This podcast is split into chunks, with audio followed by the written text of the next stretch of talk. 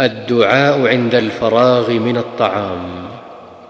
يقول الحمد لله الذي أطعمني هذا ورزقنيه من غير حول مني ولا قوة. ويقول الحمد لله حمدا كثيرا طيبا مباركا فيه. غير مكفي ولا مودع ولا مستغنى عنه ربنا.